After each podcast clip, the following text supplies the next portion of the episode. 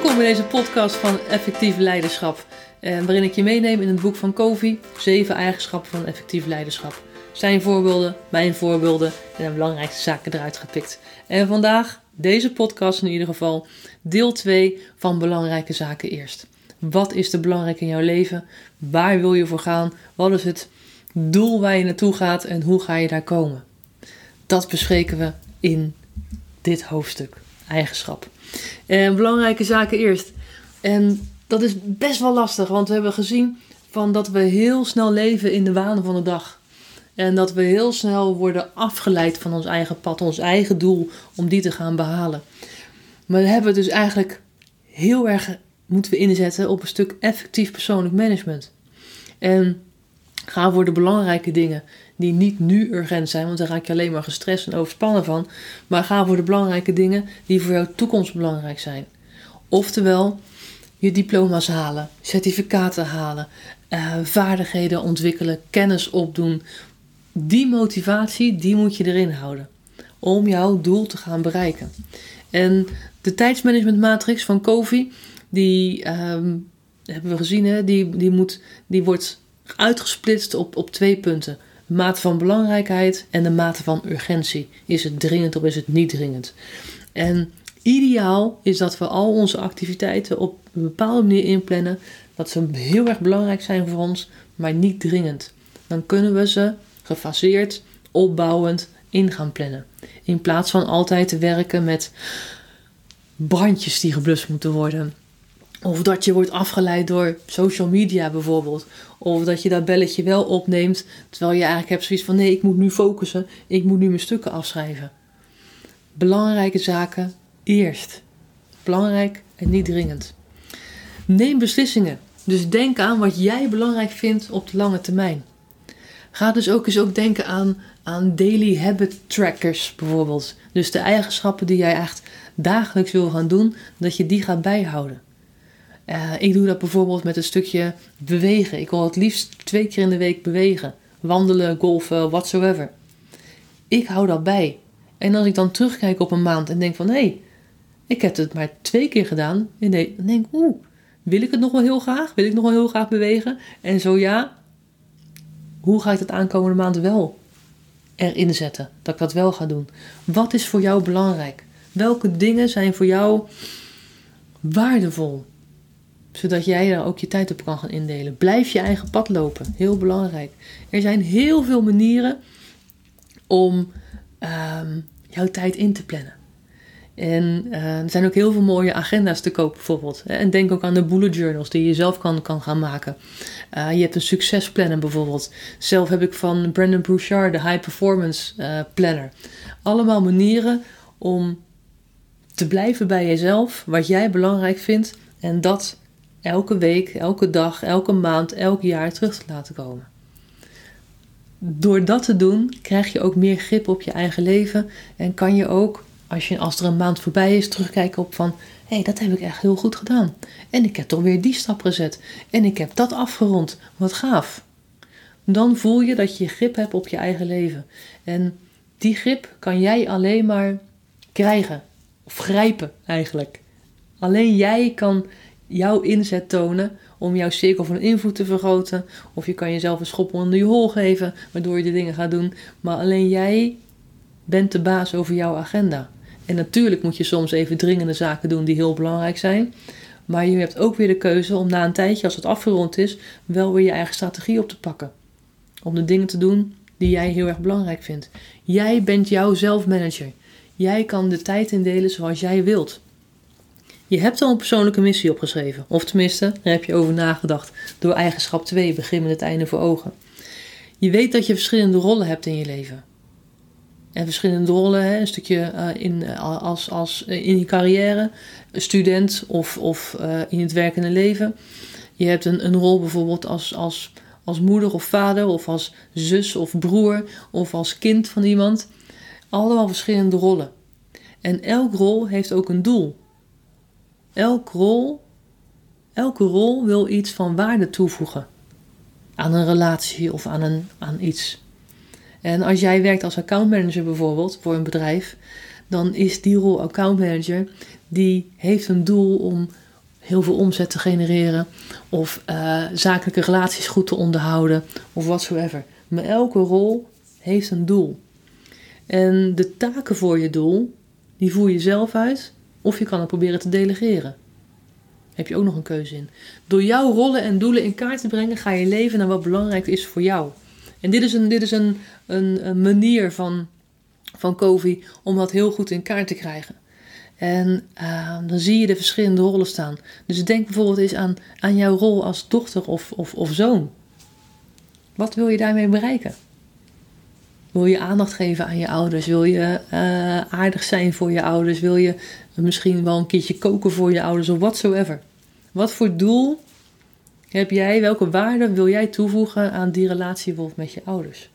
En, en een andere rol kan zijn vriend of vriendin van iemand. Of van een groepje, clubje mensen. Wat is jouw doel erin? Een stuk gezelligheid misschien, of je ei kwijt kunnen, of whatsoever. Elke rol heeft een doel. En om die doelen te behalen, om die waarde te kunnen blijven toevoegen, kan jij je leven zo inplannen. En als je zoiets hebt van hé, hey, ik woon uit huis en ik wil uh, graag mijn ouders zien, dan kan je dat gaan inplannen omdat het belangrijk voor jou is, omdat jij waarde wilt toevoegen aan die relatie. Hetzelfde met vrienden. Hetzelfde met werk.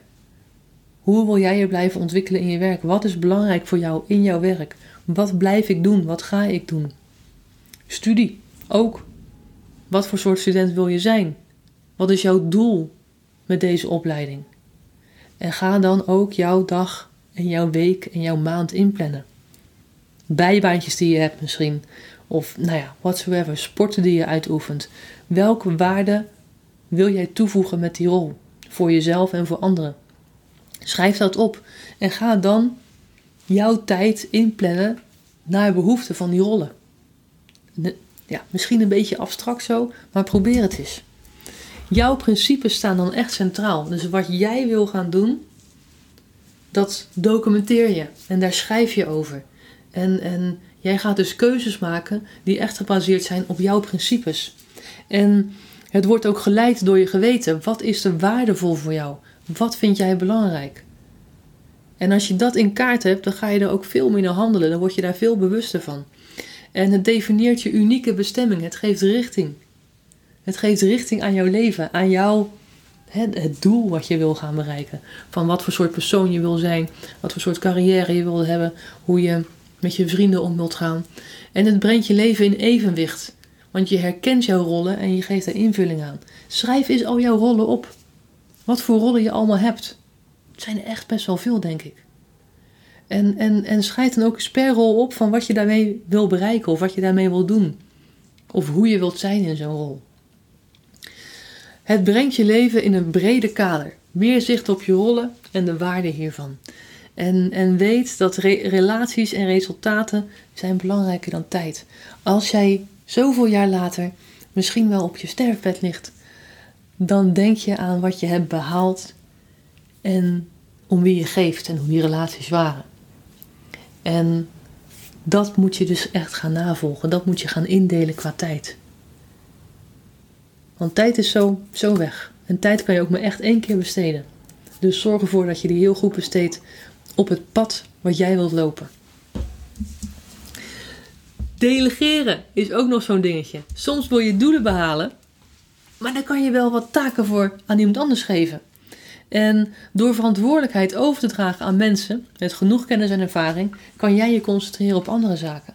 Dus als jij een mooie functie hebt in een bedrijf en je haalt die klanten binnen door ook uh, vooral het onderhoud van die, van, die, van die contacten te doen, waardoor ze ook offertes gaan aanvragen. En als je zoiets hebt van, hé hey, weet je, ik ben heel goed in het zakelijke contact, en de offertes, dat kost me echt heel veel tijd. Misschien kan ik dat wel door iemand anders laten doen. Die natuurlijk wel natuurlijk ook een stuk kennis en ervaring moeten hebben. Maar dat kan je natuurlijk ook nog leren. Je merkt dat mensen die afhankelijk zijn van jou zichzelf gaan ontplooien omdat ze een opdracht krijgen. Dus gun ook andere mensen, zeker in het bedrijfsleven, om dingen te doen. En, uh, en Kovi heeft ook een mooi voorbeeld van uh, dat hij een van zijn zonen de opdracht geeft eigenlijk om het gezond bij te houden. En dat dat zijn waarde, dat is waar hij waarde bijvoorbeeld kan toevoegen, die zoon. Die kan het netjes houden. En dat is een heel mooi proces. En als je dat gaat lezen, dan denk je van, hé, hey, interessant, interessant, interessant. Maar door iemand een taak te geven, pakt hij ook die verantwoordelijkheid op. En die verantwoordelijkheid, die brengt hem op een hoger plan. Want hij gaat daar kennis over verzamelen. Hij is gemotiveerd om dat te gaan doen. Hij leert de vaardigheden die erbij horen. Iemand een taak geven in, in persoon die je echt vertrouwt en die je op een hoger plan wil gaan helpen, die worden echt heel erg gewaardeerd. En, je kan delegeren als persoon aan de knecht of aan een rentmeester. En aan de knecht, even als, als beeldspraak, die geef je directe orders. Doe dit, doe dat. En ik heb altijd zo gedaan. En dat is een hele goede manier. Dus zo moet jij het ook doen. Die geef je opdrachten. En die laat je ook geen zorgen maken over andere dingen. Hij moet gewoon een taak uitvoeren.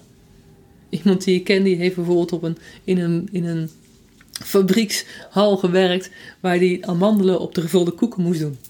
Dat is een taak. Die moet je doen. Doe de amandelen op de gevulde koeken. En hij zat maar te prikken. En op het thee. Doen was een bijbaantje van hem. Best mooi. Je kan ook taken delegeren aan een rentmeester. En een rentmeester is iemand uit vroegere tijden die jouw landgoed beheerde, zou ik maar zeggen. En die daar heel goed voor je ging zorg dragen. En je gaat dan focussen op resultaten en niet op methoden. Dus je maakt iemand verantwoordelijk voor iets. Maar je gaat nog niet meteen zeggen van hé, hey, je moet je zo doen. Wat je dus wel bij de knecht zou doen. En je gaat het baseren op een stuk erkenning van het zelfbewustzijn, voorstellingsvermogen, geweten en onafhankelijke wil van de anderen. En je hebt het over wederzijds begrip. Oftewel, jij ziet die anderen voor vol aan. Met een eigen persoonlijkheid, een eigen ideeën om de dingen te doen zoals hij dat wil doen. En dan kan je natuurlijk wel in bijsturen. Want ja, je hebt waarschijnlijk al wel de kennis opgedaan om dat goed te doen of effectief te doen. Maar iedereen moet ook wel weer zijn eigen weg vinden. Als je gaat delegeren als aan, een, aan een rentmeester, zou ik maar zeggen. Dus als je iemand het vertrouwen geeft om de resultaten te gaan behalen, dan moet je wel aan wat randvoorwaarden voldoen. Oftewel, zorg dat je de gewenste resultaten goed uitlegt van wat je wil behalen. Geef wat richtlijnen mee. Want je hoeft natuurlijk niet, iedereen hoeft niet het, het, het wiel opnieuw weer uit te vinden. Dus als je richtlijnen hebt, van methodes hebt, dan kan je die voorleggen. Geef aan wat de hulpmiddelen zijn. Waar kan hij over beschikken? Kan hij bijvoorbeeld elke week met jou overleggen om de voortgang te bespreken of om tips te krijgen? Heeft hij financiële middelen nodig wat je hem kan geven? Heeft hij een budget bijvoorbeeld? Laat hem of haar aansprakelijk zijn voor de resultaten en evalueer dit. Die andere persoon is verantwoordelijk, jij niet. Die andere persoon is verantwoordelijk. En laat ook weten wat de consequenties zijn als het goed of niet goed is geregeld. Wat zijn de, consequenties daarop?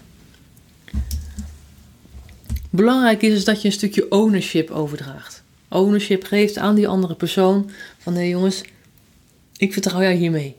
Doe je ding. Dus weet wel wat de resultaten zijn, wat de hulpmiddelen zijn, la la la. Maar geef die andere persoon ownership. Want vertrouwen is de belangrijkste vorm van menselijke motivatie. Als ik het vertrouwen in jou heb dat je iets zeker weet eigenlijk wel heel goed gaat uitvoeren, dan voelt dat ook zo bij die persoon. Van hé, hey, ik heb de vertrouwen van dat mens, laat ik het niet beschamen. En dat is een stukje motivatie wat uh, niet gekocht kan worden. Maar vertrouwen is daarbij wel heel erg belangrijk.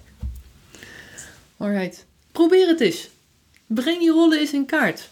En wat wil je bereiken per rol? En wat moet je daarvoor doen? En vul dan ook eens een, een schemaatje in van hoe je dat wil gaan bereiken in een week, in een maand, in een kwartaal, in een jaar. Probeer dat eens. Alright. En zorg dat je weet, als je dingen kan delegeren, hoe je dat gaat delegeren. Ben jij iemand die opdrachten geeft aan een, aan een knecht? Of geef jij opdrachten aan een rentmeester? Met alle vertrouwen uh, en motivatie die erbij komt kijken. Alright. Dit was het uh, laatste deel van eigenschap 3. Bye.